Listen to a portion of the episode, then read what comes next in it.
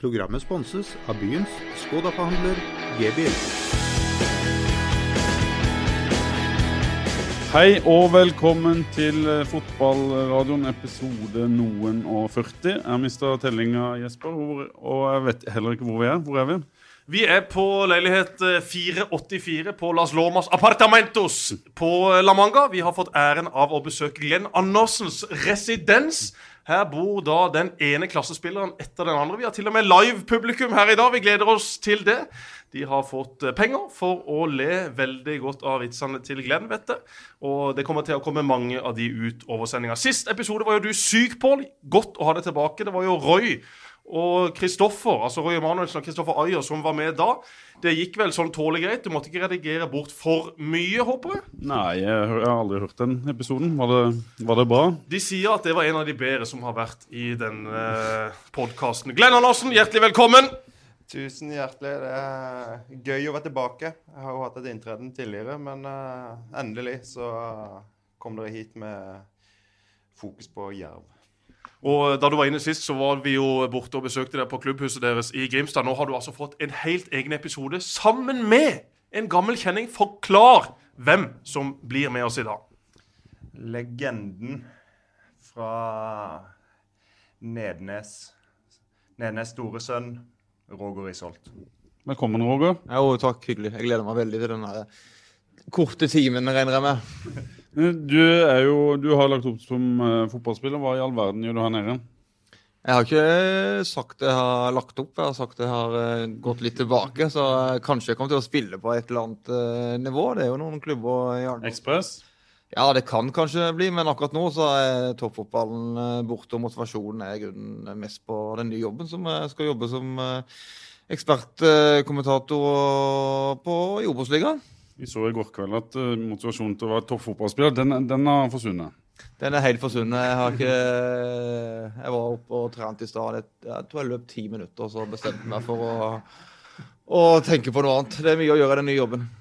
Du sa til meg i går kveld, vi var på pub og drakk eh, to øl, det kan vi jo si, at eh, du har fått mye mer respekt for journalister etter å ha jobba som journalist i tre dager.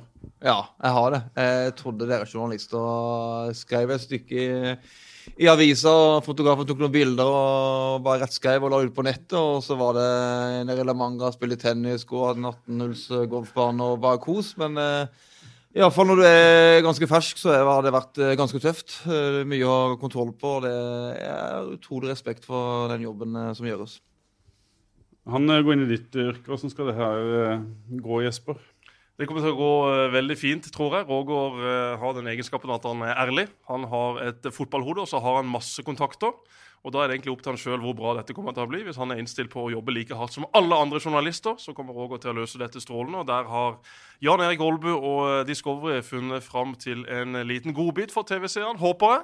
Og så skal jeg selvfølgelig hjelpe Roger hvis han trenger et tips eller to. Jeg føler meg ikke som en journalist, men man blir jo nødt til å jobbe som en journalist også store deler av, av den tida man, man bruker på dette her. Så eh, ja, jeg gleder meg til å høre og se Roger på skjermen. Og det vet jeg også at Glenn gjør. Men du har ikke så stor eh, respekt for journalister? Nei, jeg, skjønner egentlig ikke hva han snakker om. Nei, jeg tror fortsatt at de trykker noen eh, taster og publiserer noen bilder. Og så Det er jo de det vi, det er jo det vi gjør. Ja. Det er jo helt uh, riktig. Men dere to kjenner jo hverandre godt. Uh, har vunnet Dana Cup sammen, blant annet. Stemmer det? Det stemmer. Det husker jeg Glenn. Det var vel Glenn eh, Spiss? Det var det, Glenn? Ja, jeg var spiss på den tida. Akkurat på Dana Cup så gjorde jeg min inntreden som eh, midtstopper. Jeg hadde problemer med å banke ut eh, broren til, til Roger. Så han spilte spiss. Eh, jeg måtte spille midtstopper. Åssen var den tida der? Det var noe av det siste jeg gjorde i Jerv, iallfall. Vi hadde et sinnssykt godt lag. Eh, Vinne Dana Cup, det er ganske stort, det. Så når du kommer fra lille Jerv og Nei, jeg syns det var jækla gøy. Vi hadde en uh, fin periode, Glenn, og vi spilte god fotball. og ja, så Vinne Dana Cup, jeg syns det var stort, det. Samtidig var dere allerede da bærebjelker på vel et uh, jævlag som var i var det andre eller, eller tredje divisjon. Og dere forsvant jo begge to uh, ganske kjapt fra, fra klubben. Du reiste til Start. Jeg reiser til Start, og Glenn har vel tatt noe av samme reisa som meg. Eh, Det var tøft å komme fra Aust-Agder eh, til Start, det må jeg si. Eh, Nå er Det er tøft å komme fra Aust-Agder generelt. Eh, Det er jeg ikke enig i. Det er fantastisk å komme fra Aust-Agder. Og kan jeg velge, så vil jeg heller komme fra Aust-Agder enn Vest-Agder. Men, men var det var det tøft å komme som austegd til start? Var det det, eller? Ja, det syns jeg det var. Eh, altså, drømmen min var jo alltid å spille for Start da jeg var ung. Jeg gikk jo på stadion der og så Myggen og Tommy Svindal Larsen, Frank Strandli og Totto Dalum og sånn. Og liksom å få oppleve det var alltid vært en eh, målsetning og en drøm. Og jeg husker jeg, eh, jeg fikk til og med oppleve det. Men Jeg ble bytta Spilte med Totto Dalum, som jeg så opp til. Og jeg husker vi bytta en kamp. Han ble skada, jeg kom innpå. Det var, det var helt rått, så det var en stor opplevelse. Men å komme fra Aust-Agder inn i et miljø som er i Kristiansand, som jeg syns det var tøft. Det er veldig få som har lykkes fra Aust-Agder i Jerv. Det er veldig få. Eh, I Start? Ja, i Start, unnskyld. I, i Start, så det er ikke bare det, ja, Noen ganger så ønsker jeg kanskje jeg skulle reist andre veien. Til Risør? Nei, altså, ja, du fantes jo eh, og litt sånn, da. Så ja.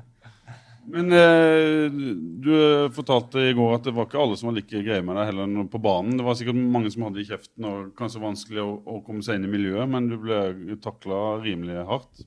Ja, jeg syns det. Det var noen jækla gode typer som jeg respekterte høyt. Eh, Tom Berrus, eh, fantastisk type, flink til å ta folk eh, inn i gruppa. Frode Fredriksen, helt outstanding. Helge Bjønsås, eh, elendig på banen, men uh, utenfor banen eh, fantastisk. Så det var litt sånn at eh, du, de tok det ikke opp inn med åpne armer. Altså Når du kom fra Aust-Agder, så følte iallfall jeg at det var Du måtte levere og både på banen og være veldig ydmyk når du kom inn i gruppa. Måtte, måtte du òg det, Glenn? Hadde du noe av samme opplevelse? Dette, dette gamle lag? Eh, Nei, jeg kommer litt senere enn det Roger gjorde. Eh, Jeg kommer i 2004. Da hadde jeg vært innom eh, Vesterålen og spilt eh, litt før Horten sammen med, med bror til Roger. Eh, og det var ikke så mange av de gamle gutta som var der da, men eh, Tom Berrhus og Strømstad og de var på vei opp. Altså Strømstad og, og Hestad var på vei opp, og det var litt yngre Tom Bærums på vei opp i Nei, han 2004. var, ikke, han var ikke på vei opp, men de to andre var på vei opp. Og Jesper var en liten tass uh, når jeg kom. Uh, vi hadde en ganske ung gruppe den, den gangen.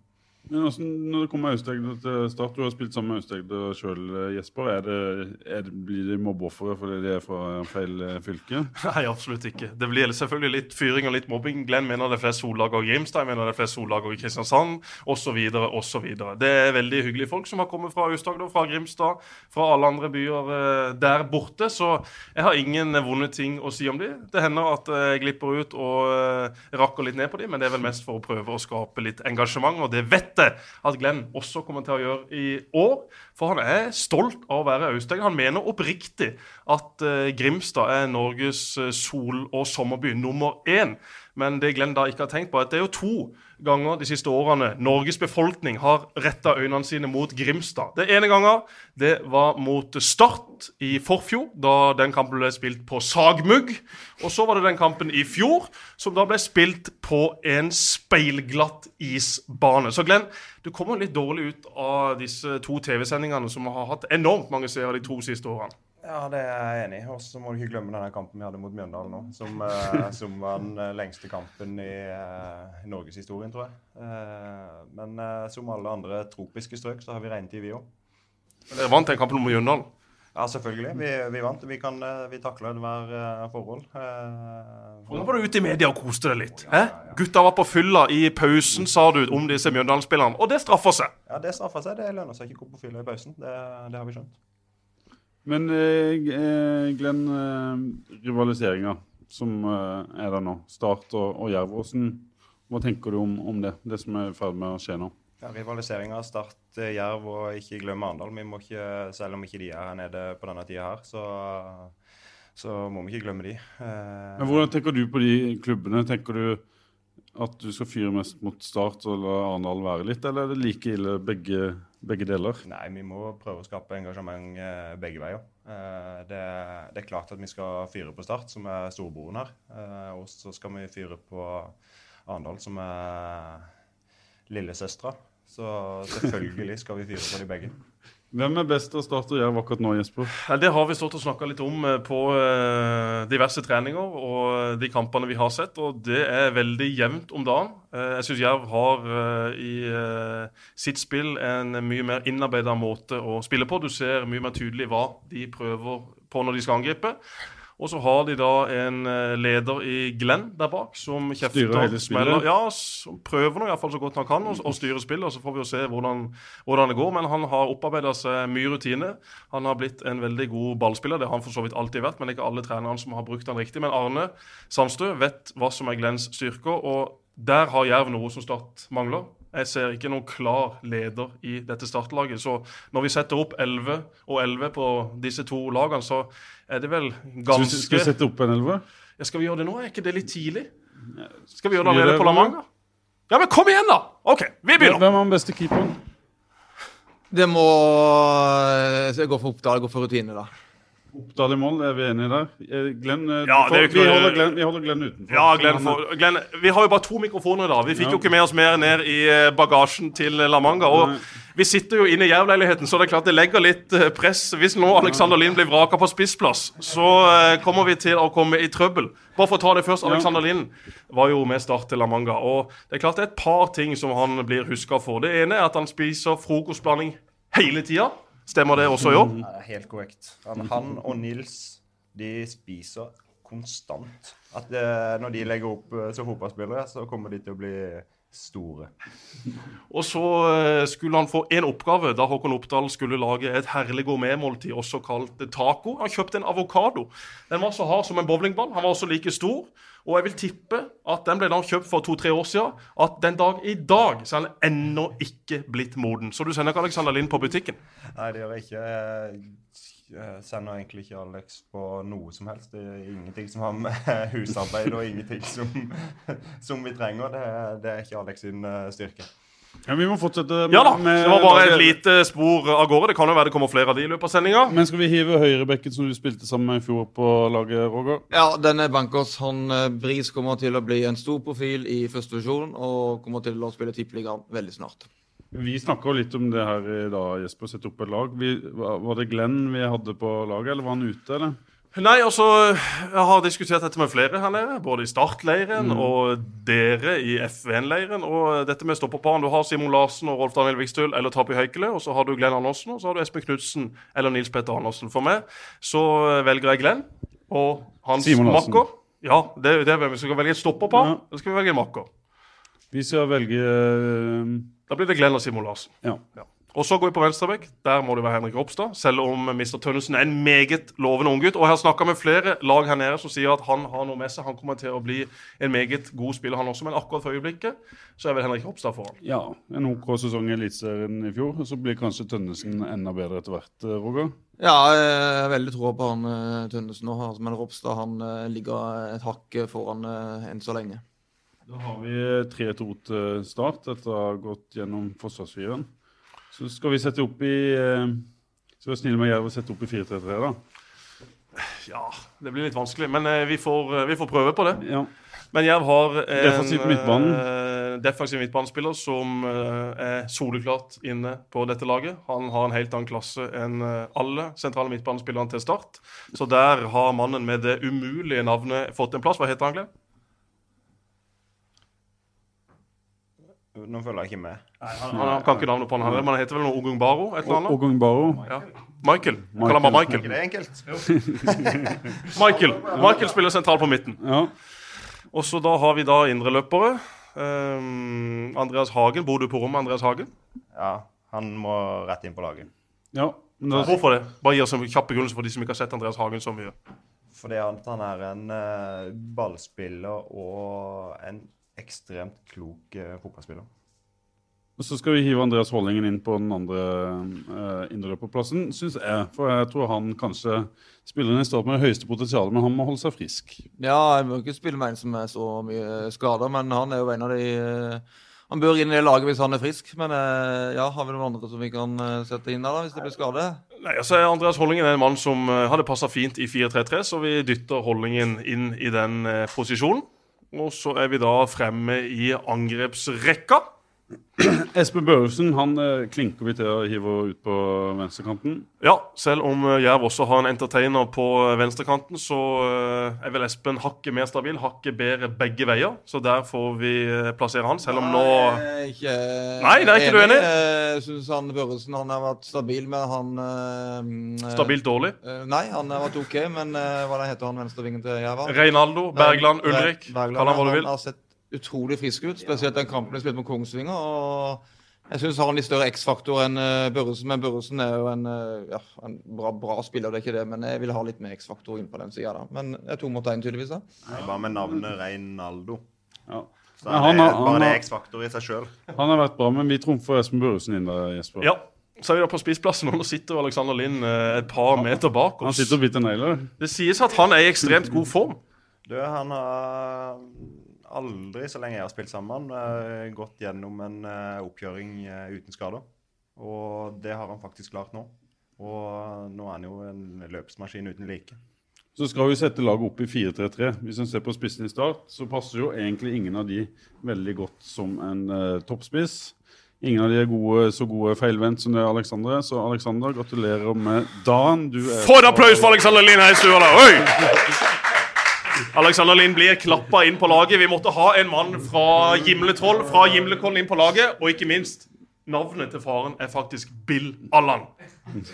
Det er faktisk årets feteste navn, også i 2017. Og i og med at han også er Liverpool-fan, ja Det er tøffe dager for Alexander Lind om dagen, så vi må iallfall dytte han inn på dette laget. Og det er fortjent, for han er i god form! Han Men hvem skal ha problemplassen, den siste? Som egentlig har vært et problem for både Start og. Ja, nå har jo Start henta inn en ny eh, kompis fra Nigeria. Som eh, vel ingen har funnet ut om helt hva heter, for jeg er litt i tvil om hva som er etternavnet og hva som er fornavnet. Agenten sier noe, han sjøl sier noe, og Øyvind Evjen, statsoppmann, sier noe helt annet. Så eh, foreløpig har han vel blitt kalt for Abu.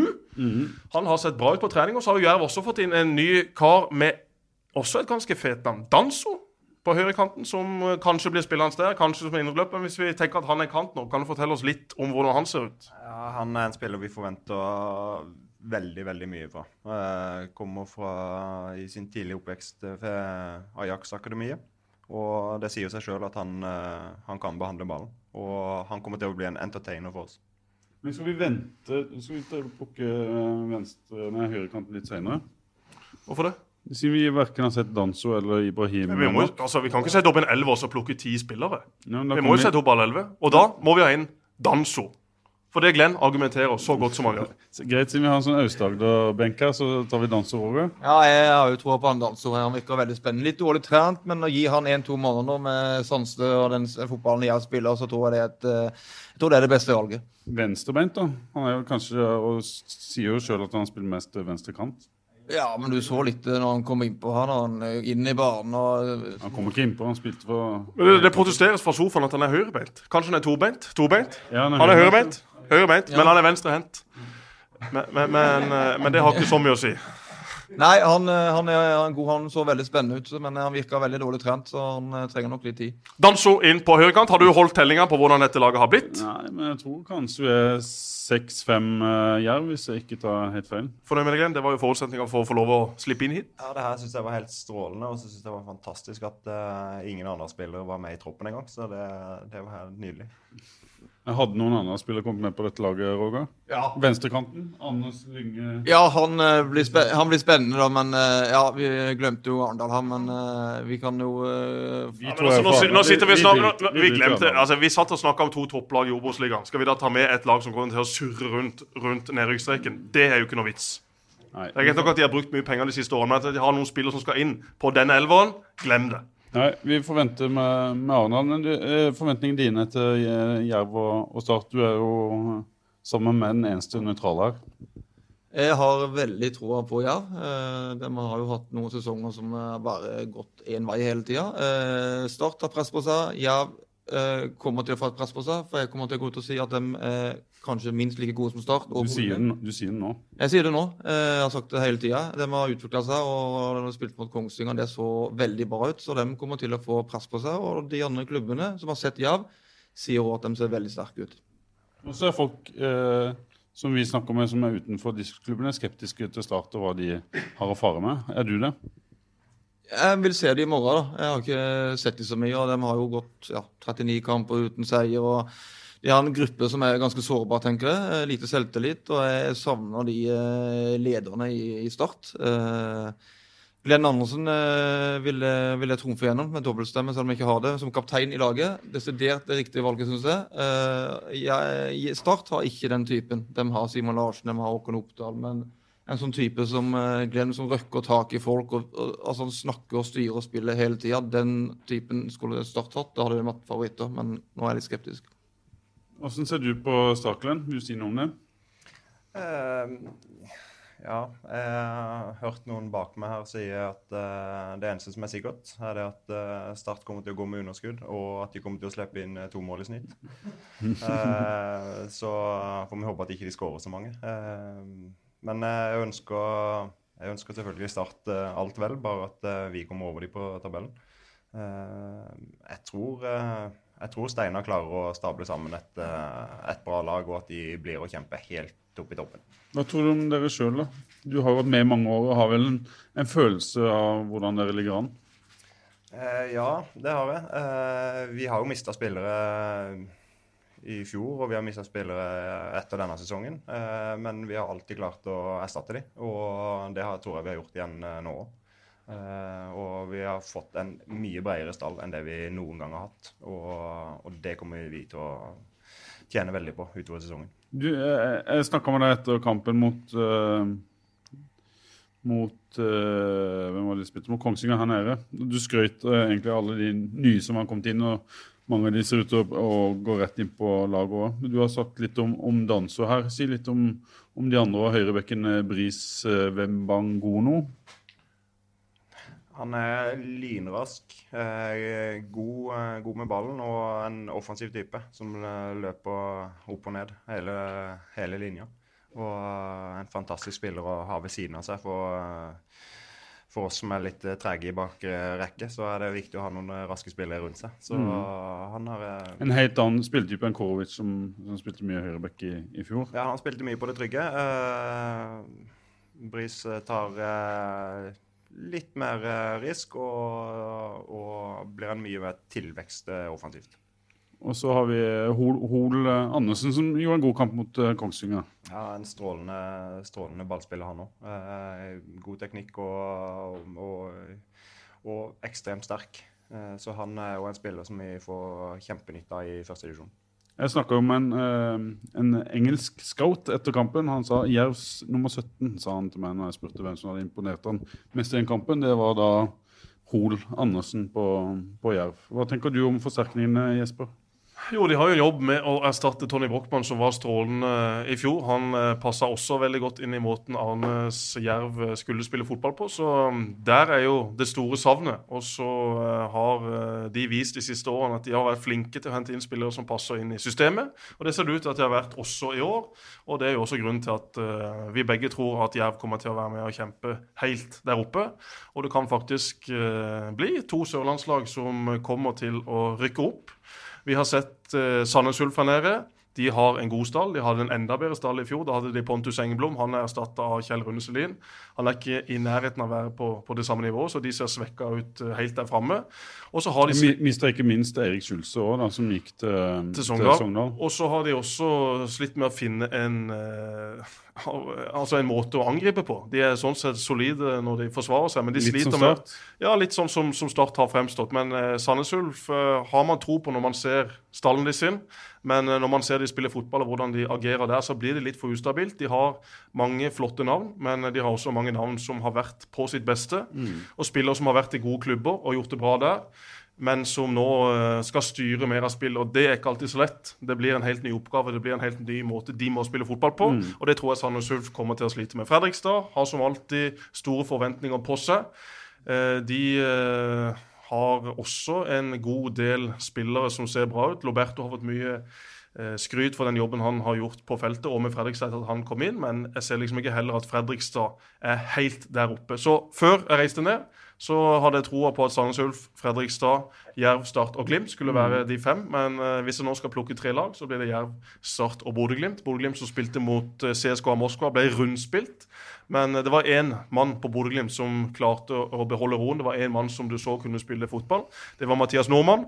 Rosenborg har vært ute etter han. Kanskje forsvinner han, kanskje blir han. For, også, eh, jeg vil legge til en meget spennende stopper. Marius Lode, som spilte i Bryne, som har vært utestengt et år for, for doping. Jeg Yes. jo at han eh, kan være en god tilvekst der. Men Fredrik, nei, Roger, du må si litt om, om Fredrikstad. Du er vel den som kjenner de aller best her.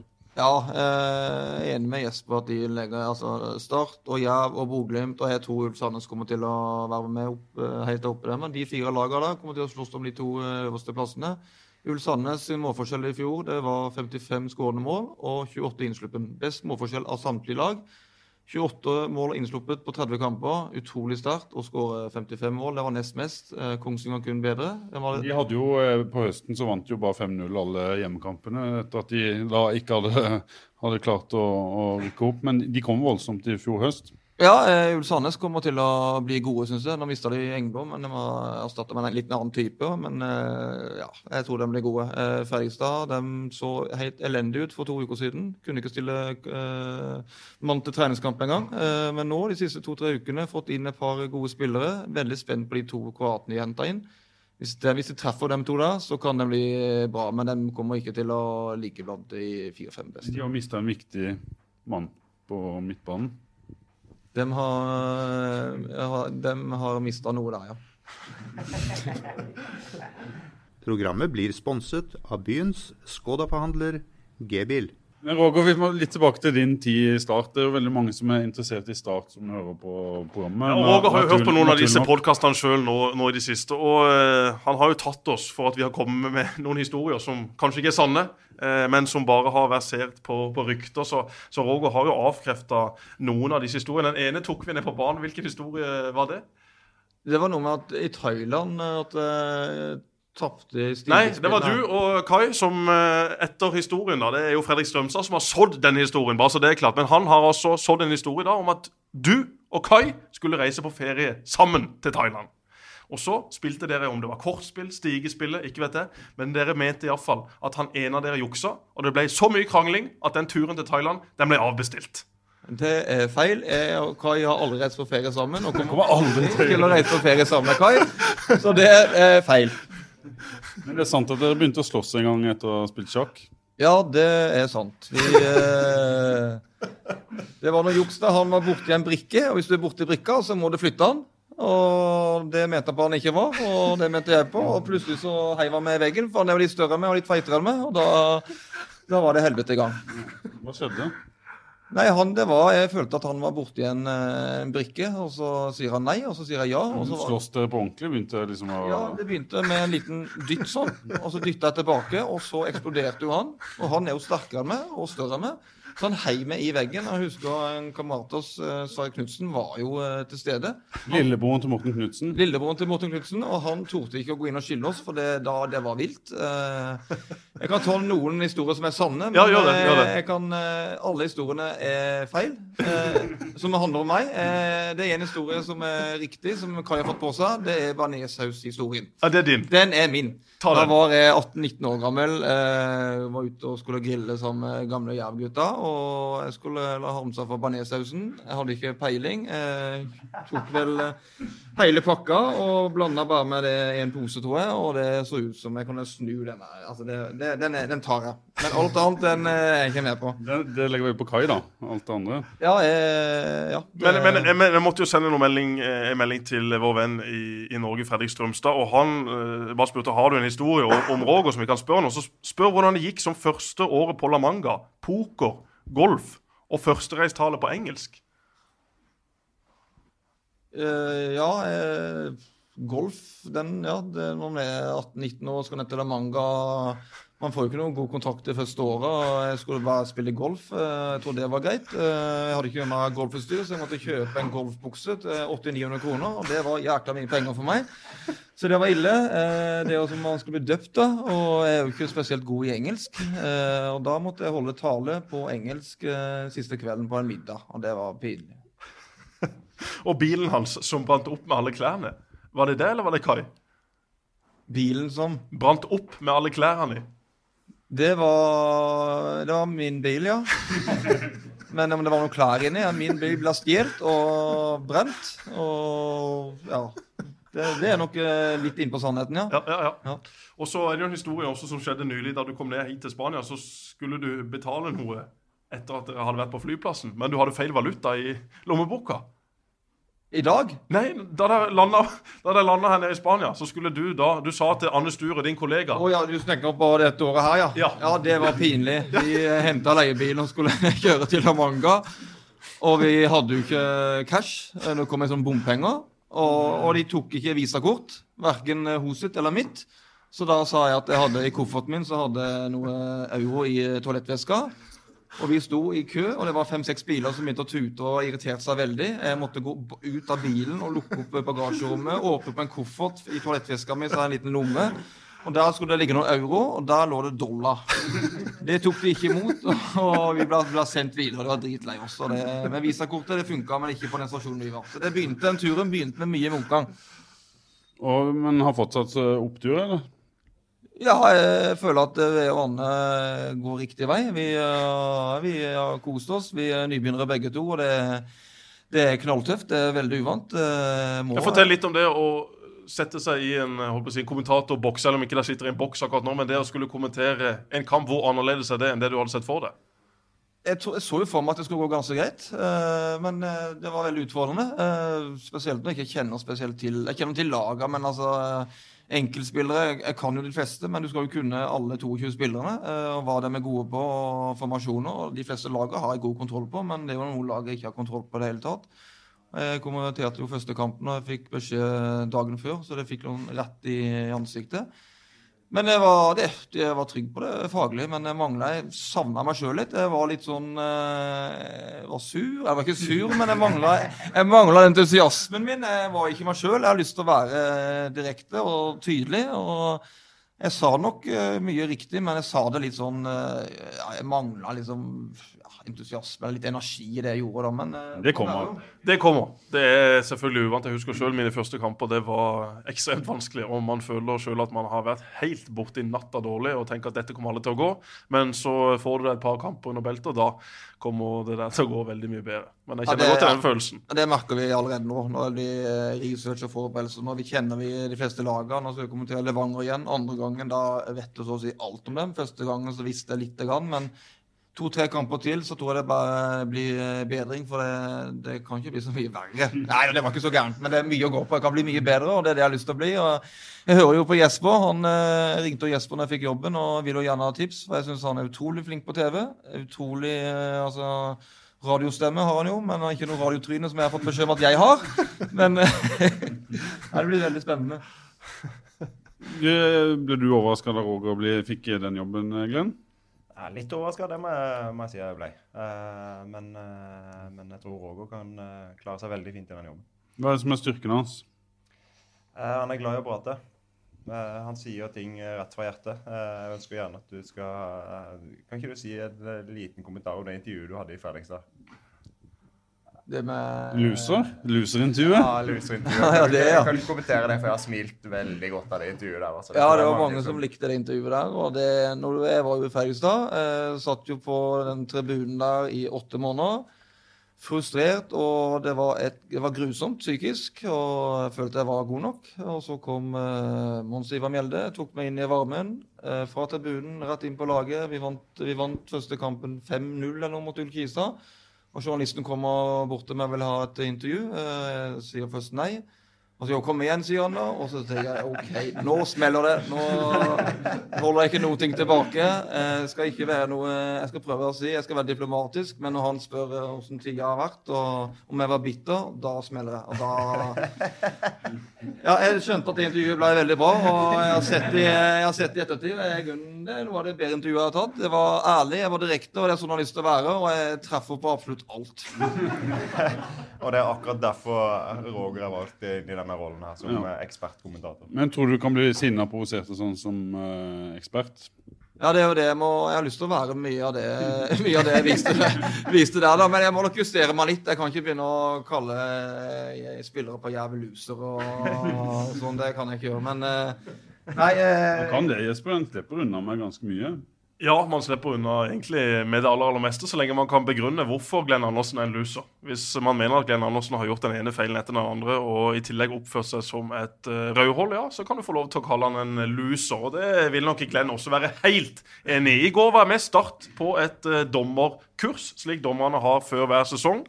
Og da var det en meget eh, lovende dommer, Rohit Sagi heter han vel, som holdt det kurset. En dommer som eh, vi også diskuterte i dag. Kommer til å bli Norges beste dommer, er vår spådom. Kan navnet på alle spillerne han dømmer. Mm. Er veldig ydmyk, flink, har spilt fotball, eh, har forståelsen. Og han holdt da dette kurset, og så etterpå så måtte jeg stå igjen og prate litt med han. For det er klart at jeg har jo litt Eller jeg har jo ja, jeg har litt dårlig samvittighet i et par sekunder etter at jeg har uh, høvla over et par av de dommerne. De gjør så Fortell. godt de kan. Hvem, Ja, så de hvem så- har du dårlig samvittighet overfor? Nei, altså Ken Henry Johnsen uh, avskilte jeg jo i sommer etter at han hadde gjort et par feil. Blant annet en uh, fryktelig takling på Vajeba Sakur på Ullevål. Og i tillegg så sendte han det norske dommerteamet hjem fra EM. Og så har han også hatt et par andre episoder. Og da var jeg fryktelig tøff. Hiring for your small business? If you're not looking for professionals on LinkedIn, you're looking in the wrong place. That's like looking for your car keys in a fish tank. LinkedIn helps you hire professionals you can't find anywhere else, even those who aren't actively searching for a new job but might be open to the perfect role. In a given month, over 70% of LinkedIn users don't even visit other leading job sites. So start looking in the right place. With LinkedIn, you can hire professionals like a professional. Post your free job on linkedin.com/people slash people today. Tøff og egentlig stygg på TV. Dette er mennesker akkurat som, som oss, og de får det selvfølgelig med seg. Og han la jo da opp et par uker etterpå som dommer. og Ja, ikke, men ikke derfor. Nei da, ikke derfor, men uh, det var sikkert ikke noe som ga en sånn yes. Men får dette du, vil jeg fortsette med. dårlig samvittighet? Ja, jeg jeg sendte han en melding på Facebook. Jeg har aldri fått noe svar. Uh, men eh, det ligger iallfall i innboksen din, Ken Henry, hvis du hører denne sendinga. Og i tillegg så høvla i Martin Lundby en gang. En ung dommer som eh, Norges Fotballforbund har veldig troa på, av en eller annen merkelig grunn. Eh, han eh, gjorde veldig mange rare feil den første sesongen i Tippeligaen. Og jeg mener ikke at Tippeligaen er et sted man skal øve seg. Det kan man gjøre nedover i divisjonene. Og så får man være i Tippeligaen når man er god nok for det, akkurat som fotballspillerne må vente på. Og han gjorde en feil da i, i Bodø. Og eh, de hadde egentlig en veldig god følelse etter kampen. Og eh, Rohit var med opp, da, han som hadde dette kurset i går. Han var med som om det var observatør eller om han var med i team, ikke vet jeg. Men så satte de seg ned på flyet, og rett før takeoff så åpna de TV 2. og og de hadde som sagt en god følelse etter kampen. Følte de hadde gjort en god kamp. Og der sto det bare 'Martin Lundby burde vært bura inne'. så, så det er klart at uh, Det var jo usaklig, da.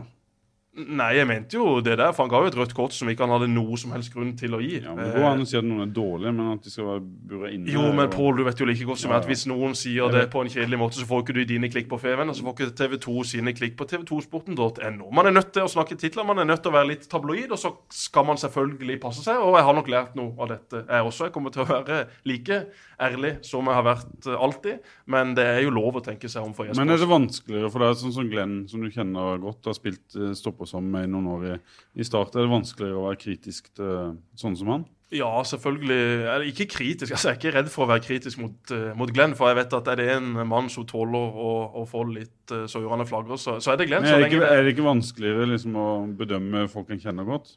Nei, egentlig ikke. Jeg synes, altså, De har jo en forståelse også for at dette er min jobb. Nå er jeg på den sida av bordet. Samtidig så er jeg god kamerat med Glenn og snakker med Glenn når jeg skal sette opp en garasje osv. Så, videre, så ringer jeg jo Glenn for å få tips.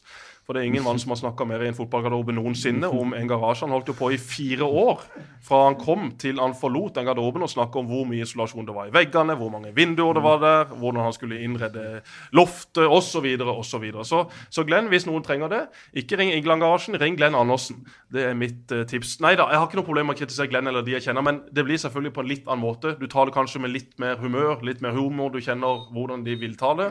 Men da Jon Arne Riise, som eh, ikke er en like god venn av meg som Glenn, men en som jeg har hatt ganske mye med å gjøre i jobbsammenheng med TV 2, og som driver og, og, og melder meg litt, jeg melder litt tilbake osv. Han oppførte seg som en eh, drittunge da han eh, Skulle vært bura inne?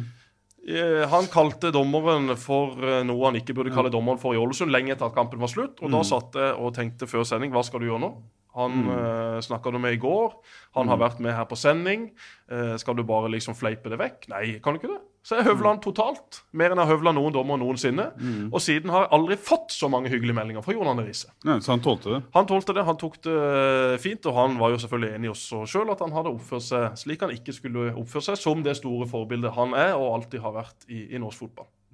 Så eh, Glenn, han kommer til å få høre det, og så får nok jeg høre det hvis jeg sier noe feil om Glenn eller hans gutter i Jerv. Åssen er det Glenn, som fotballspiller å bli bedømt eh, av andre? At andre skal ha mening om hva du gjør? Det er klart vi har Det er jo en spesiell jobb der du får trynet ditt slått opp i avisa hver mandag med en karakter på hvordan du har spilt eh, dagen før. Eh, Det er ikke mange jobber du, du blir evaluert på den måten der. Eh, Men på en annen side så har vi jo vi har valgt å bli fotballspillere. Det er det beste yrket du, du kan ha. Og vi storkoser oss utpå der, og det er en del av gamet. Og det, det tåler vi. Men er det sånn at eh, noen egentlig bør lukke øynene for det? Er det noen som ikke tåler det? Så er det noen som, som henger seg opp i det, og som, eh, at det kan bli energilekkasjer og Ja, er klart, negativitet? ja, som, som spiller så er det jo ikke, det er ikke alltid jeg åpner avisa når, eh, når jeg vet at jeg har gjort en elendig innsats dagen før. Da er det bedre å heller låse det ute og så tenke på at Kommer en ny sjanse? det kommer en ny sjanse, og det er ikke så veldig lenge til. Så det er ikke nødvendig å bruke energi på det da. Nei, det er jeg helt enig i. Altså, Hver gang vi tapte kamper i start, det var jo sånn sett ganske ofte, men da gikk jeg alltid på eh, Rema-butikken, hvor det kun var eh, folk fra Øst-Europa som gikk og handla. Men hvis vi vant, da skal jeg love det, da gikk jeg på Coop-en i Albert, der alle naboene og alle vennene mine var. Jeg gikk gjerne to og tre ganger den mandagen for å handle. Jeg hadde alltid glemt noe på butikken. Det var bare å ta æresrunde etter eh, æresrunde. Det var hyggelig. Så selvfølgelig, når man vinner, så tar man til seg alt det man kan. Og da leser man gjerne børsen osv. Men hvis man har tapt, ah, da hiver man bare avisa rett i den grønne dunken, og så går man inn og er fornøyd med det. Nei, jeg var ikke så, sånn. Altså, I begynnelsen så var det gøy. Men eh, ja, nå ble jeg jo litt eldre enn Jeg har ikke Glenn, faktisk. da, Men de unge gutta som er tilbake her nå, det må ikke bry dere om hva ja, vi, Det vi mener og sier, det stemmer som regel alltid. Eh, så det må dere bare høre på. Men dere har, eh, dere har en jævla fin jobb nå, jeg og Jesper. Vi har jo eh, lagt opp nå. Og så lenge dere klarer å holde den jobben nå Glenn har jo fortsetter å føtter hvert år nå, for han syns det er verdens beste jobb, og det er helt sant. Klarer dere å holde kroppen eh, friske og holde på så lenge som mulig, så er det her det gøyeste som fins. Om det står noe negativt i avisa nå, så det må man iallfall tåle. For kommer man eh, lenger enn Obos-ligaen, så blir det mye, mye tøffere. Det er ingen som er mer kritiske til eh, Glenn enn hans lagkamerater eller Arne Sandstø. Altså, det er jo der man virkelig får høre det. Det er jo på treninga eller inne på rommet her på La Manga man snakker ut om treninga eller kampen. Hvorfor i all verden gjorde du sånn og ikke sånn? Så det er jo der man blir evaluert. Det er det- man tar til seg alt det andre, stenger man jo ute på et eller annet vis. Ja, absolutt. Og Arne er dønn ærlig når det gjelder evalueringer. Eh, der får vi en tilbakemelding foran hele spillergruppa, ikke på Tomasson. Steinar var litt mer, eh, han er litt mer sånn på Tomasson. Eh, Nå vet jeg ikke hvordan han er nå, men han var i hvert fall det i, i Jerv. Eh, men Arne er dønn ærlig på de tinga der, og han kan slakte en spiller eller skryte. når- Så det er høy, høy, det. du opplever at det er høyt under taket i Jerv? Ja, absolutt. Og vi, eh, vi slakter han òg hvis det, vi mener at det er berettiget. Mm. Arne Sandstø tok med en gang eh, da jeg hadde vært god på trening, men elendig i kamp. Og da sa han du kan nytte ikke å være kaptein Sabeltann på trening hvis du er pysa i kamp. Så Arne Sandstø har humør, humor, og han er dønn ærlig. Og apropos takhøyde, hvor stor takhøyde har du i garasjen din? Nei, den er ikke noe mer enn den vanlige 240 takhøyde, vet du. Og du jobber jo, Samtidig som du spiller fotball, så jobber du jo også i et eh, elektrikerfirma. og Vi skal ikke snakke for mye om eh, produkter, og vi er jo veldig redde for reklame i den uh, podkasten. Men Ja, de- Glenn Andersen har tidenes de produktplassering på norsk TV på TV 2! Han satte altså en bil, en van, nesten en trailer med Agder elektriske bak. Og i tillegg så var han tapensert på sin egen genser. Kan du fortelle om hvor mye du fikk i bonus? Fikk du en Tesla som firmabil? Eller hva var grunnen til at denne vanen sto bak hele sendinga? Og hvordan fikk du lov til det av TV 2? Det kom en kar fra TV 2 da, da, så spurte han hvor vi skulle ta det. Da stod, vi sto på utsida der, så sa jeg vi tar det jo selvfølgelig rett foran den bilen. Så han sa det var helt greit, det. På direktesendt TV på TV 2. Så da, da ble jo den logoen tapetsert utover TV 2, og det var, ble godt tatt imot uh, inne på sjefen sitt kontor. Men det var også en spiller som hadde på seg feil shorts i en kamp som gjorde at din arbeidsgiver ikke fikk sin logo på et bilde i avisa. Hva skjedde da? Nei, det, var, det var jo klart det var katastrofe. Det var OI. Og han fikk jo høre det. Eh, sjefen min ba meg sparke han ned. Nei, jeg gjorde ikke det, men han eh, eh, Det er klart han fikk høre det fra Jerv i hvert fall, at eh, han hadde brukt treningsshortsen i stedet. Selv Så har vi også fått inn noen spørsmål fra våre ikke seere, men våre lyttere på sosiale medier. Og det ene spørsmålet Glenn, var at de hadde fulgt med på FK Jerv sin Snapchat. Er det ikke FK Jerv? FK Jerv? Følg FK Jerv på Snapchat. Alexander Lind var Snap-sjef i går. Det var vel en helt moderat leveranse. Det kan bli bedre utover uka når andre spiller overtar. Men dere gikk iallfall gjennom eh, botlista til Jerv, og det var noen eh, regler du var sterkt uenig i. Kan du fortelle om eh, hvilke det var? ja, For det første så har vi jo nå Spillergruppa de må tydeligvis ha gjort det en gang når ikke jeg var der. For de har jo klappa inn en keeper som botsjef. Og bare når du sier keeper, det er jo en katastrofe i seg sjøl. De, de er veldig sære, sære folk. og han har jo lagd regler som er uten sidestykke. Det, han har så lang liste at han får en fulltidsjobb. Hvilken, ki hvilken keeper er dette? Ja, det er Øyvind. Så han har da klart å lage en liste som er så lang at, uh, at han skal slite med å klare å følge og huske alle de reglene sjøl. Men det blir mye penger, da. Det blir mye fest. penger, men det, blir, det kommer til å bli utvanna etter hvert. For han klarer ikke å følge alle de her reglene. Han hadde, jeg tror det var fem, seks, sju forskjellige bøter bare i firkant. Uh, og det er jo ingen som klarer å, å tenke på de reglene samtidig som man skal spille. Du får, du får til og med bot hvis du tar en hens på trening. Så det var, det var mye rart, altså. Er det flere spørsmål, Jesper? Ja, Det er et spørsmål fra eh, Bie Gundersen Tellef til Roger. Var du fornøyd med fagprøven som jeg måtte gjøre for deg? Roger ble en dyktig platearbeider etter hvert. Er det riktig at du ga dorullnisse til Kai til jul? Det første Det første spørsmålet var Var du fornøyd med fagprøven som jeg måtte gjøre for deg? Hvem er det som har skrevet det? Bie Gundersen Tellef heter han på Facebook. Ja. Ja, ja. Og det skal sies at, at Tellef er da Det er fornavnet, hva? Ja, og Ja. han er da vår trener i Dana Cup når vi vant. Uh, Oi, oi, oi! Riktig, riktig, riktig. Tellef, ser han her, ja. Har et profilbilde, selvfølgelig, med en startspiller. Så det er bra. Han har latt inn spørsmål på FK Jerv. Tellef eh, var fantastisk. Han fikk eh, mye hjelp av. Men den historien med de her do Ja, det var, det var vel bursdagen Nei, julegave var det. Til uh, Kai. Nei, vi skulle gi julegave til hverandre, jeg og Kai. Eh, det har vi ikke gjort uh, så mange ganger. Nei. Så da kjøpte jeg sånne to Isepol-kuler. Jeg limte dem sammen og lagde en uh, julenisse, eller var det en snømann, eller noe, og ga til han. God jul. Hvor gamle var dere da? Ja, da var vel 16-17 år. Uh, julegaven kosta 18 kroner, men i det tekniske arbeidet med å lime sammen med øyer og sånn, så var det mye kjærlighet bak der, syns jeg. Uh, men jeg har fått kritikk for den i nå, skjønner jeg. Du fikk ingenting av Kai. Jeg fikk en sånn en på Nille, en ødelagt svenskeklokke. Men, men du sier du ikke har gitt så mye gave til Kai omvendt. Hvor, hvorfor det? Er dere glad i å gi, gi gave til han? Er dere ikke, er dere ikke det. Jeg har gitt Kai utrolig mange gaver nå de fem-seks siste åra. Første året fikk han en badevekt. Han er litt lagt på seg litt, så han eh, må gjøre noe med det. Han har fått hårføner. Han har fått krølltang og sjampo fra ett år. Så han har fått mye fine gaver av meg. Men eh, ingenting igjen. Nei, jeg har vært svært lite. Jeg har fått noe sånn eh, sko han har kjøpt i Thailand til 18 kroner. Det har vært, det, jeg har fått lite igjen av Kai. Du har blitt onkel, da. Har gitt deg en liten uh, lite onkelbarn. Ja, ja, det er jo hyggelig, det. Han bra jobba der. Nei, vi, vi, eh, vi ser jo nå også at Alexander Lind er igjen i kjøleskapet for å hente seg litt eh, melk til ei ny skål med, med frokostblanding. Så eh, tradisjonen, den består sjøl. Så bor jeg jo nede i en leilighet med Roy Emanuelsen og Even Bransdal.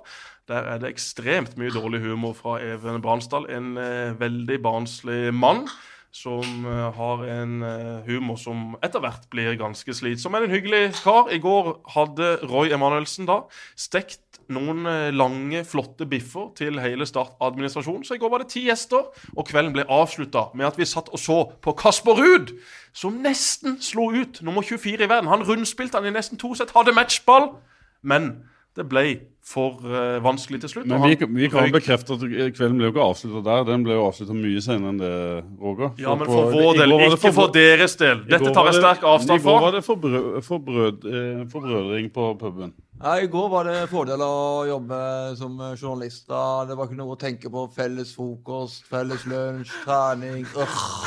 Så det fins mange fordeler med å jobbe på andre sida òg. Det var god stemning i går. altså. Det var god stemning i går. Det var det. Eh, Jerv Det så ut som det var en del slitne trenere var- både hos Start og Jerv i dag. Ja, og det, det er hyggelig at det kan være sånn, syns jeg, en gang i året. Du, eh, Glenn, er det ditt siste år i Jerv? Eh, Jeg har sagt det i tre år nå, ja. Eh, Så mm, det kan godt være det siste året. Men du ser jo ikke dårligere ut enn du gjorde for fem år siden. Er du enig? Som fotballspiller, altså. Ja. Takk for det, Jesper. Er det mer som Eh, eh, om jeg skal fortsette å spille fotball det, Så lenge jeg syns det er gøy, så fortsetter jeg å spille fotball. Så lenge kroppen fungerer, så fortsetter jeg å spille fotball. Eh, Det er vanskelig å legge de skoene på hylla.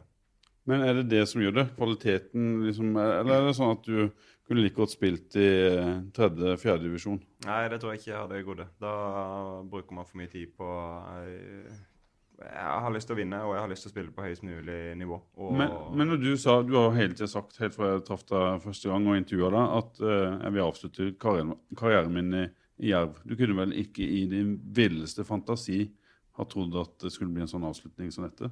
Nei, jeg trodde ikke at jeg kom til å avslutte karrieren i første divisjon. Uh, og det er ikke sikkert jeg kommer til å gjøre heller. Uh, Kanskje det blir Eliteserien? Kanskje. Eller andre divisjon, det vet man aldri.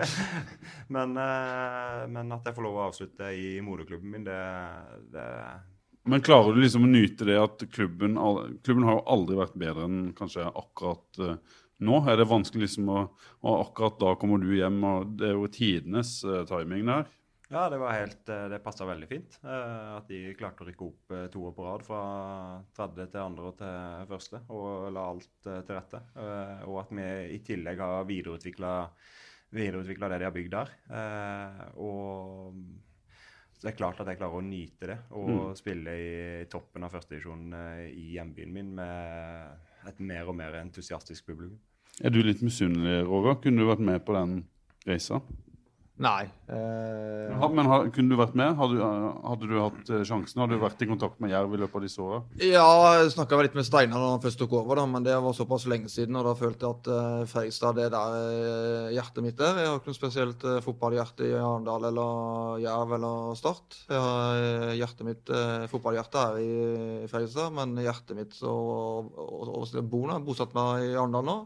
Fantastisk. Det er Grimstad som han sier er fantastisk, og så er det Kristiansand, og så er det vi som er Arendal. Altså det, Sørlandet er fantastisk, og jeg gleder meg helt sjukt når sesongen kommer i gang med Arendal, Jerv og Start, som skal krige og slåss. og Men hvor ligger hjertet ditt når det gjelder de tre klubbene? da?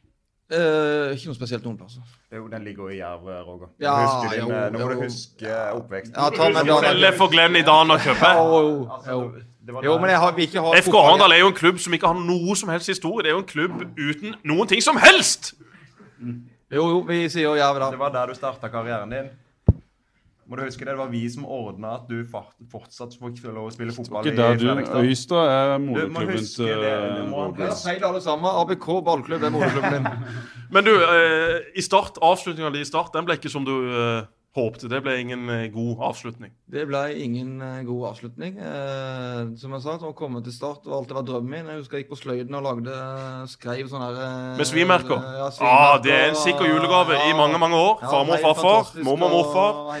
Fikk han år etter år. Men jeg kom jo der under Jan Halvor. Jeg fikk jo debutert i Tippeligaen. Jeg tror det var faktisk i 2000. eller et eller annet sånt. Det var 17-16-17 år siden nå. Og vi rykka ned, eh, og så rykka vi opp igjen. Eh, Hvem skåra opprykksgålen? Det var Roger Risholt. Hvilken kroppsdel skåra du med? Det var eh, to-tre kamper før. Da ble matchvinner borte mot Skeid. Og det var et innlegg, og jeg tok fram eh, han lille junioren som ligger mellom eh, låra der, og skåret med den. Og utvalgte meg sånn Og det var morsom, da, at jeg skårte med kuken. Og det, det var helt riktig. Det var et matchvinnermål, og det var et viktig mål. og et par runder etterpå skulle vi møte Byåsen i siste kamp. Eh, idolet mitt, eller En av mine idoler, Totto Dalum, han starta kampen. Måtte ut med skade selvfølgelig etter 20 minutter. Jeg kom inn, strekk tror jeg det var, ja. Jeg kom i hvert fall inn på han, og vi vant den kampen 1-0. Eh, Vi måtte jo ikke vinne, men hvis de andre lagene vant litt fram og tilbake, så var det greit at det var sikkert. Eh, Vi vant 1-0. Jeg skårte og kom tilbake til Kristiansand, og vi feira opprykksfesten, og alt så bra ut. Og jeg fikk beskjed om at jeg skulle inn på kontoret til Start. Og da, var dagen etter. Ja, det gikk vel et par dager eller en uke. Jeg er litt usikker på det. da, Jeg var litt spent. Jeg hadde jo den lille kontrakten min eh, i starten. og Jeg måtte i La Manga kjøpe en golfbukse som kosta meg halve månedslønna. da, Men eh, snakka litt med Harald Lødemel og sånn, og han var overbevist om at nå får jeg en bedre kontrakt og sånn. Men det endte med at eh, Start ville kvitte seg med meg, og det endte jo med at eh, jeg hadde et år igjen. så... Det var mye kaos i den tida der. da Det var pga. økonomi, det var vel ikke bare du? det var ingenting pga. økonomi. Jeg hadde elendig betalt da, og det har ingenting med økonomi å gjøre. Jeg kan si hva jeg hadde. Jeg tror jeg hadde 10 000 i måneden, og det, jeg var lokal spiller, så denne økonomigreiene det hadde jo, Du hadde jo Ottosen og Osmania som tjente sju ganger så mye. Så det er noe av det dummeste jeg har hørt. Men det var Jan Halvor som ikke ville ha deg der eh, lenger. Han nekter for det den dag i dag, men eh, det er jo han som var trener og hadde ansvaret, så det sier seg sjøl, det. Det var kanskje et lykkelig valg eh, allikevel. Det gikk jo ikke så bra med Start i de åra etter du reiste. Så var det Start på et eh, nesten sleit jo tungt økonomisk etter den, eh, etter den kontrakten som Roger hadde. Og, ja, men det var mange som måtte reise. Men da skjedde, skjedde kanskje noe med deg som eh, fotballspiller. Det har du i hvert fall sagt i, i ettertid, at eh, da tok du tak. Da begynte min karriere på alvor. Jeg var jækla langt nede. Komme som Aust-Agder og spille for det beste landet på Sørlandet med de profilene som var der da. Det var en drøm som gikk i oppfyllelse, og jeg ble kasta ned i kjelleren og trodde ikke jeg kom lenger ned. Jeg måtte begynne på nytt, og jeg hadde noe tilbud i en andre klubber som Glenn Horten og litt sånne ting, men Knut Håbund ringte meg i eh, i Fredrikstad. Det var andredivisjon, og det så ikke så veldig bra ut. Men uh, leste meg litt opp, og Knut Torben som trener det, Knut Torbjørn Eggen. Knut Torben Eggen, ja. Det trigga meg utrolig mye. Og når den reisa der begynte, det var jo bare opptur på opptur på opptur. Og det er jo det min karriere har vært. Det har vært en haug med oppturer og en haug med nedturer. Jeg har uh, rykka opp en haug med ganger, rykka ned og fått slag i trynet og blitt kalt katta i sekken og kommet tilbake på tilbake. Og det har vært eh, veldig spennende. Men det Men du bygde deg jo opp de der fra andredivisjon i Fredrikstad til å få en landskamp og være kanskje en av de beste eh, midtbanespillerne i eh, Eliteserien i 2004. Fire var min beste sesong. Det var helt fantastisk. Og da hadde jeg hatt tre år med bare oppturer. Alt gikk bra, og jeg fikk mye oppmerksomhet. Og da var det gøy å være i avisa, og det plutselig så sto det i spanske medier at Risholt var på vei til La Liga. og det sto selvfølgelig i norske medier, men det sto i spanske medier òg. Eh, Chris og George han var jo i Spania den tida, så han fortalte at det sto i spanske medier òg. Det var litt seriøst da. Så det så veldig bra ut. og eh, Det kom og kikka noen eh, folk fra Spania i to kamper etter sommerferien eh, mot Vålerenga og Rosenborg i den tida da. Da hadde Roger Risholt vært på sommerferie i Arendal og tatt seg litt for mye å drikke og var elendig form i de viktigste kampene som skulle spille sin karriere. Så det var helt elendig timing på det greiene der. Hvilken klubb var det, da? Det var... Barcelona Real Madrid? Nei, nei, nei, det var ikke det. Men det var to klubber i La Liga faktisk. hos oss, og Konkret da, det vet jeg ikke. Men det sto iallfall i spanske videoer. Det var ikke bare hylla opp sånn, så det var uh, spennende. Jo, men i fall, jeg men da begynte jeg tre år med kjempeoppturer, og så begynte jo nedturen. Fikk jo først landskamper da, sånn B-landskamper under Åge Hareide. Og så fikk jeg Drillo som trener. Jeg var i Egypt på ferie, og jeg fikk høre at Drillo skulle være trener. Og jeg trodde det var eh, aprilsnarr, altså. Jeg visste Det var litt kult òg, men jeg tenkte så bra vi har gjort det i Fredrikstad. Den spillestilen og åssen det passa laget, åssen det passa meg. og Jeg var 5-26, den beste karrieren, altså den beste alderen jeg var i. Og for Drillo som trener, det var litt skeptisk, og det ble ikke så helt bra heller. Spilte et par kamper, men eh, det endte jo med at han eh, ville han kansellere kontrakten min, og det gjorde vi. Ville, Tom Ole var trener i Start da, og da så jeg som det i 2005 da, med Freddy Strømstad, Kristoffer Hestad. leder av serien halvspilt der og snakka med Tom Nylen og Tom Nordli mye. Kjempespennende. Det har vært nå kommer jeg tilbake til start igjen, etter den lille nedturen. Du kommer tilbake der, de ligger på gullplass. Og Fredrik Hestad, Valencia, Atle Haaland. Yes, tenkte jeg. Glimrende. Og da var jeg i ganske god form. De to gutta her også. Ja, Vi spilte på Løvenstad den tida. Altså jo, men da reservelaget ferdig, til da, eh, så, Start. så jeg ble ferdig litt kjappere. da. Jeg var på legesjekk til, legesjekk eh, til Kursstøen, eh, var det vel. Eh, Jeg hadde, Fredrikstad sa at jeg hadde en-to uker med lysken, så kunne det bli problemer. Så det var ikke noe problem. Krustøen og eh, Start sa jo at jeg var ute i to-tre måneder, så da gikk alt til helvete. Og de henta Bjarte Lunde Åsheim Det sier seg sjøl at det var en veldig bra valg, det òg. De eh, tok jo sølv, men med, med Roger Isholt så har de tatt gull.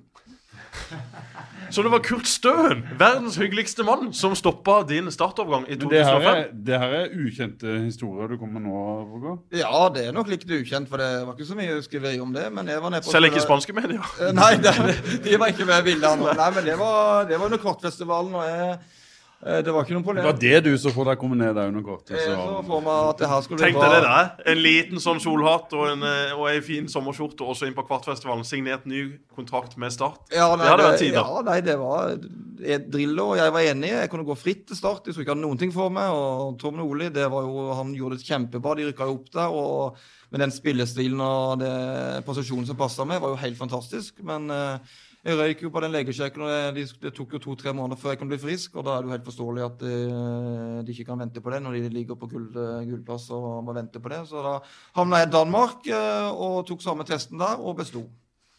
Var det bare kort tid etterpå? Det var bare en uke etterpå, og da husker jeg at jeg hadde så vondt når jeg hadde den sjekken der. Men de, han dansken kom inn til meg, Brian Steen Nilsen, som du husker han, eh, i AGF Århus.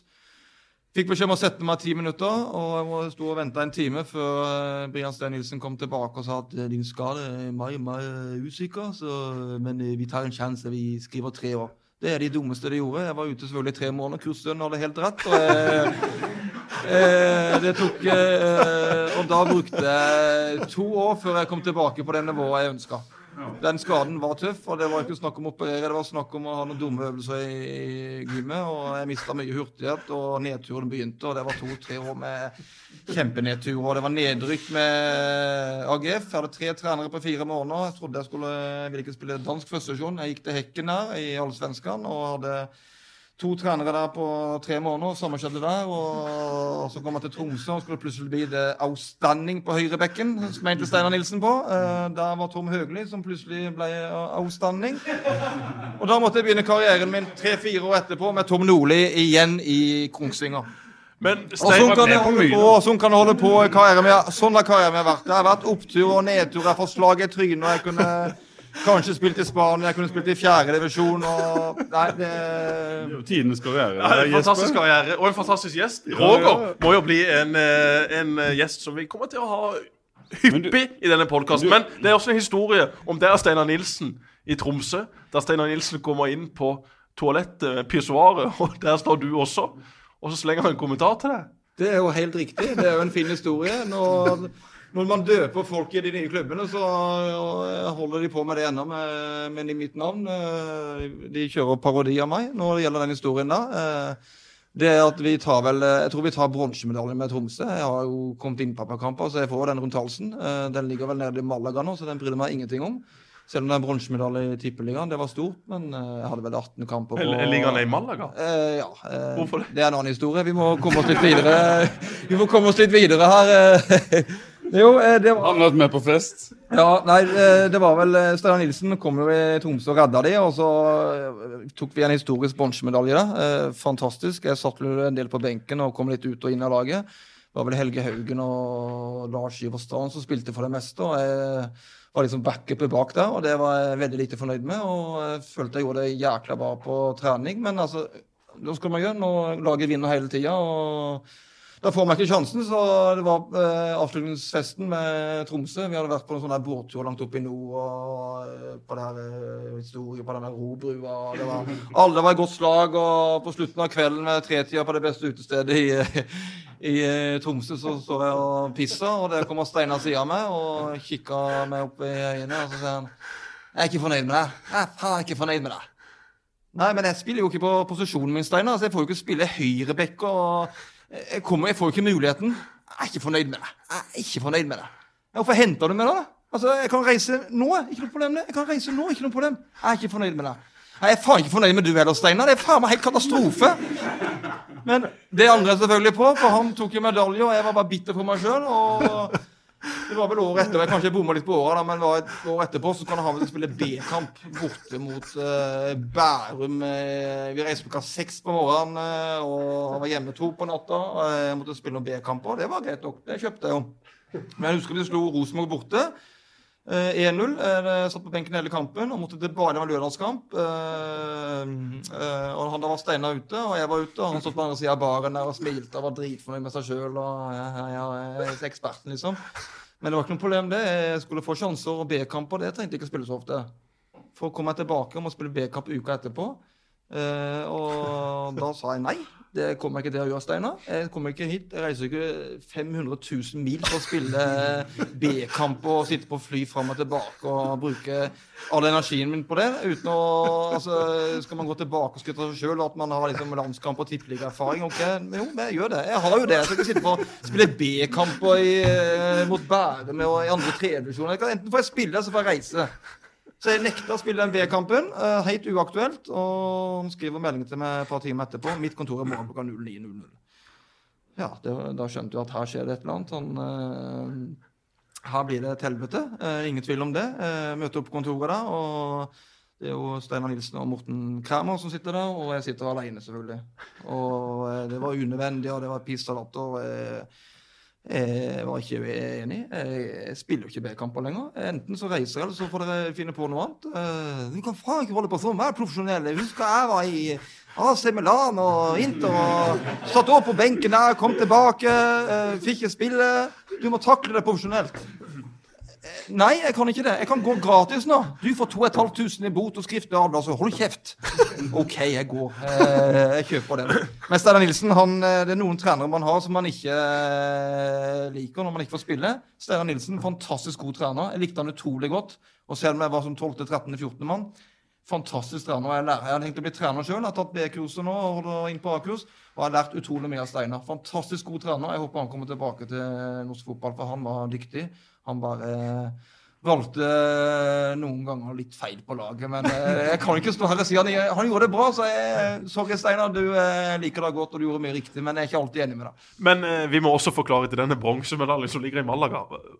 Hvordan ender en bronsemedalje fra Tromsø opp i Malaga? Den lå i ja, Altså, når jeg reiste fra Tromsø Da var det sånn at uh, jeg hadde ett år igjen av kontrakten min. Hadde, det var ferie uh, i november, og jeg spurte om å få litt uh, fri litt tidligere. Det var helt greit for Steinar, for han skulle til Brann året da, så han ga jo fullstendig faen om jeg fikk ferie litt tidligere. Så jeg reiste 12. november. Jeg hadde ett år igjen av kontrakten min. Jeg har sagt opp leiligheten min, jeg har sagt opp bilen. Jeg tok alle søppelsekkene jeg hadde med klær, hoppa inn på flyet og flydde ned til Kristiansand. Jeg, måtte jo, jeg visste jo jeg hadde ett år igjen, så i løpet av januar så måtte jeg opp igjen. Men jeg hadde bestemt meg uansett. Jeg skal ikke tilbake der uansett. På grunn av at Jeg likte meg der ikke oppe. Tromsø er en fin by hvis du er der på en kort periode. Men er der over en lengre periode, så skjønner jeg at folk hopper fra den broa. Litt stygt sagt, men det er fryktelig å bo der oppe. Det, det er ikke noe jeg liker. Så jeg tok alt jeg hadde og flytta fra eh, Tromsø. Var i Malaga. Jeg husker en god kamerat av meg, Knøtte, en felles kamerat av oss, kom og henta meg. Han må jo selvfølgelig med bytterklubb, som jeg har gjort ganske ofte, så selger jeg stort sett alt. Og jeg kommer med søppelsekker høy med bager, og Knutte kommer og henter meg på Harebakken i Arendal med tilhenger. Der ligger han og han at når Roger er ferdig med en klubb, så vet han at da kommer Roger med ti søppelsekker og bager og kanskje en koffert her og der og kanskje TV og sånn. Så da står han klar der, og står klar der kanskje ti ganger han, på Harebakken med tilhenger og plukker meg opp. Men da hadde den der Malaga eh, Jeg tror bare den medaljen har gått vært i den der eh, toalettveska mi, og så reiste jeg på Malaga sammen med eh, Knøtte og gammel legende Steinar Gitmark. eh, Og vi er på ferie i Malaga, og da rigger Tom Nordli meg, skal ha meg til Kongsvinger. Det passer helt perfekt, for da skulle de satse litt. Og Tom Nordli er fantastisk god trener, fantastisk type, og det var midt i blinken for meg. og vi tok vel den der forhandlinga og snakken under en liten dagfyll eh, klokka to-tre på formiddagen. Eh, Jeg var ikke helt i form, men jeg ble fornøyd med kontrakta mi. Og jeg tror ikke Tom merka så mye heller, men eh, så, det, så den der medaljen den hadde vi bare gøy med. Den, det var ikke noe stort ut av det. Den, lå bare, den ligger bare igjen. Du hadde noen halsen på byen? Jeg ikke, jeg var på en nachspiel og jeg bare kasta den på plenen eller et eller annet sånt. Altså, var, den, den betyr ingenting for meg, den bronsemedaljen. Unnskyld, Tromsø. Det, altså, det supporter og sånn, det med gode, men altså, den tida jeg hadde i Tromsø, den, eh, det, det var bra, for jeg fikk, jeg var med på medaljen, jeg var med på oppturen, men personlig så var det en nedtur. Så vi sier, så vi sier at det var, var nok for i dag, Jesper. Nå har vi holdt på i over en time. Roger, du kunne sikkert snakka i to timer til. Jeg tror faktisk eh, de som hører på, hadde sittet og hørt på i de to timene. Ja, men uh, vi må i hvert fall gjøre en avtale med Roger uh, allerede nå om at du er nødt til å komme tilbake i fotballradioen før seriestart i Obos og Eliteserien. Kan du love oss det? Det kan jeg love. Eh, Jeg har merka sjøl når du varmer om det i trøya på Ikke sant? Det er gøy. Det er gøy. Jo, men det var sånn jeg begynte som kommentator. Jeg var litt sånn feig. Nå jeg liker liksom å smelle til det, og noe av det meste av det jeg sier, er jo sant. Så, ja, det er jo sant alle sammen. Jeg ljuger jo ikke. Men det er noen som kanskje bommer litt her og her. og jeg vil bare poengtere det med de trenerne jeg har hatt òg. Altså, Steinar Nilsen, som jeg ikke, har- som jeg ikke har brukt er fantastisk. Tom Nole syns jeg Jeg håper vi ser han tilbake i norsk fotball. Eh, Jeg syns han, han er kjempebra. Tom Nole trener Skeid. Ja, han gjør det, men han må komme seg høyere opp eh, på stigen, for det er der han fortjener å være. Han må bare eh, skjønne de få prosentene han har å jobbe med, at det må han faktisk jobbe med, og ikke bare snu, seg- snu, snu huet til og si han ikke trenger å jobbe med det, for han er desidert eh, Norges dyktigste trener på feltet. Og utrolig morsom. Nå begynner Glenn å bli trøtt. Nå begynner Alex Lind å glippe med øynene. Alex Lind, er du fornøyd med episoden med, med Roger og Glenn? Jerv-gutta hører jo på fotballradioen på vei til trening, altså fra Kristiansand til Grimstad. Da står fotballradioen på, på full guffe. Espen Knutsen har jo en bil som vel ikke har høyttalere. Det kan godt stemme. Jeg vet egentlig ingenting om. Jeg regner med at Han sitter jo i sofaen her borte, så Det ser ikke sånn ut eh, på den bilen iallfall. Har han kjøpt ny bil? Åssen bil da?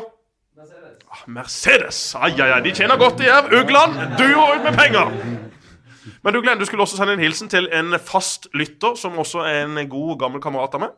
Ja, Ali. Du, eh, jeg vet at du sitter på kontoret ditt på Liskomponent og hører på det her. Så eh, nå har du endelig fått navnet ditt på radioen. Ali og Abbas var jo to av mine gode kamerater i eh, gamle dager. Og de var veldig fotballinteressert, i likhet med meg sjøl. Og eh, vi gikk mye sammen rundt sånn 14-15-årsalderen. Og eh, Ali og Abbas de tok ikke bussen, de sykla ikke, de gikk heller ikke. De kjørte bil opp til Gimlekollen fra byen. Og de 13-14 parker... år. Ja, 13, nei, de var, de var bikka 14. Eh, Gode sjåfører. Eh, men da parkerte de alltid 200 meter fra huset, for de var så redd for at eh, min far, da, Svein, skulle finne ut av dette. Mamma visste det, men hun gadd ikke si noe til pappa, og syntes egentlig det var litt eh, sjarmerende at disse to kjørte opp. Eh, Abbas jobba på Big Pizza, en pizzakjede i byen som gikk konk ganske fort.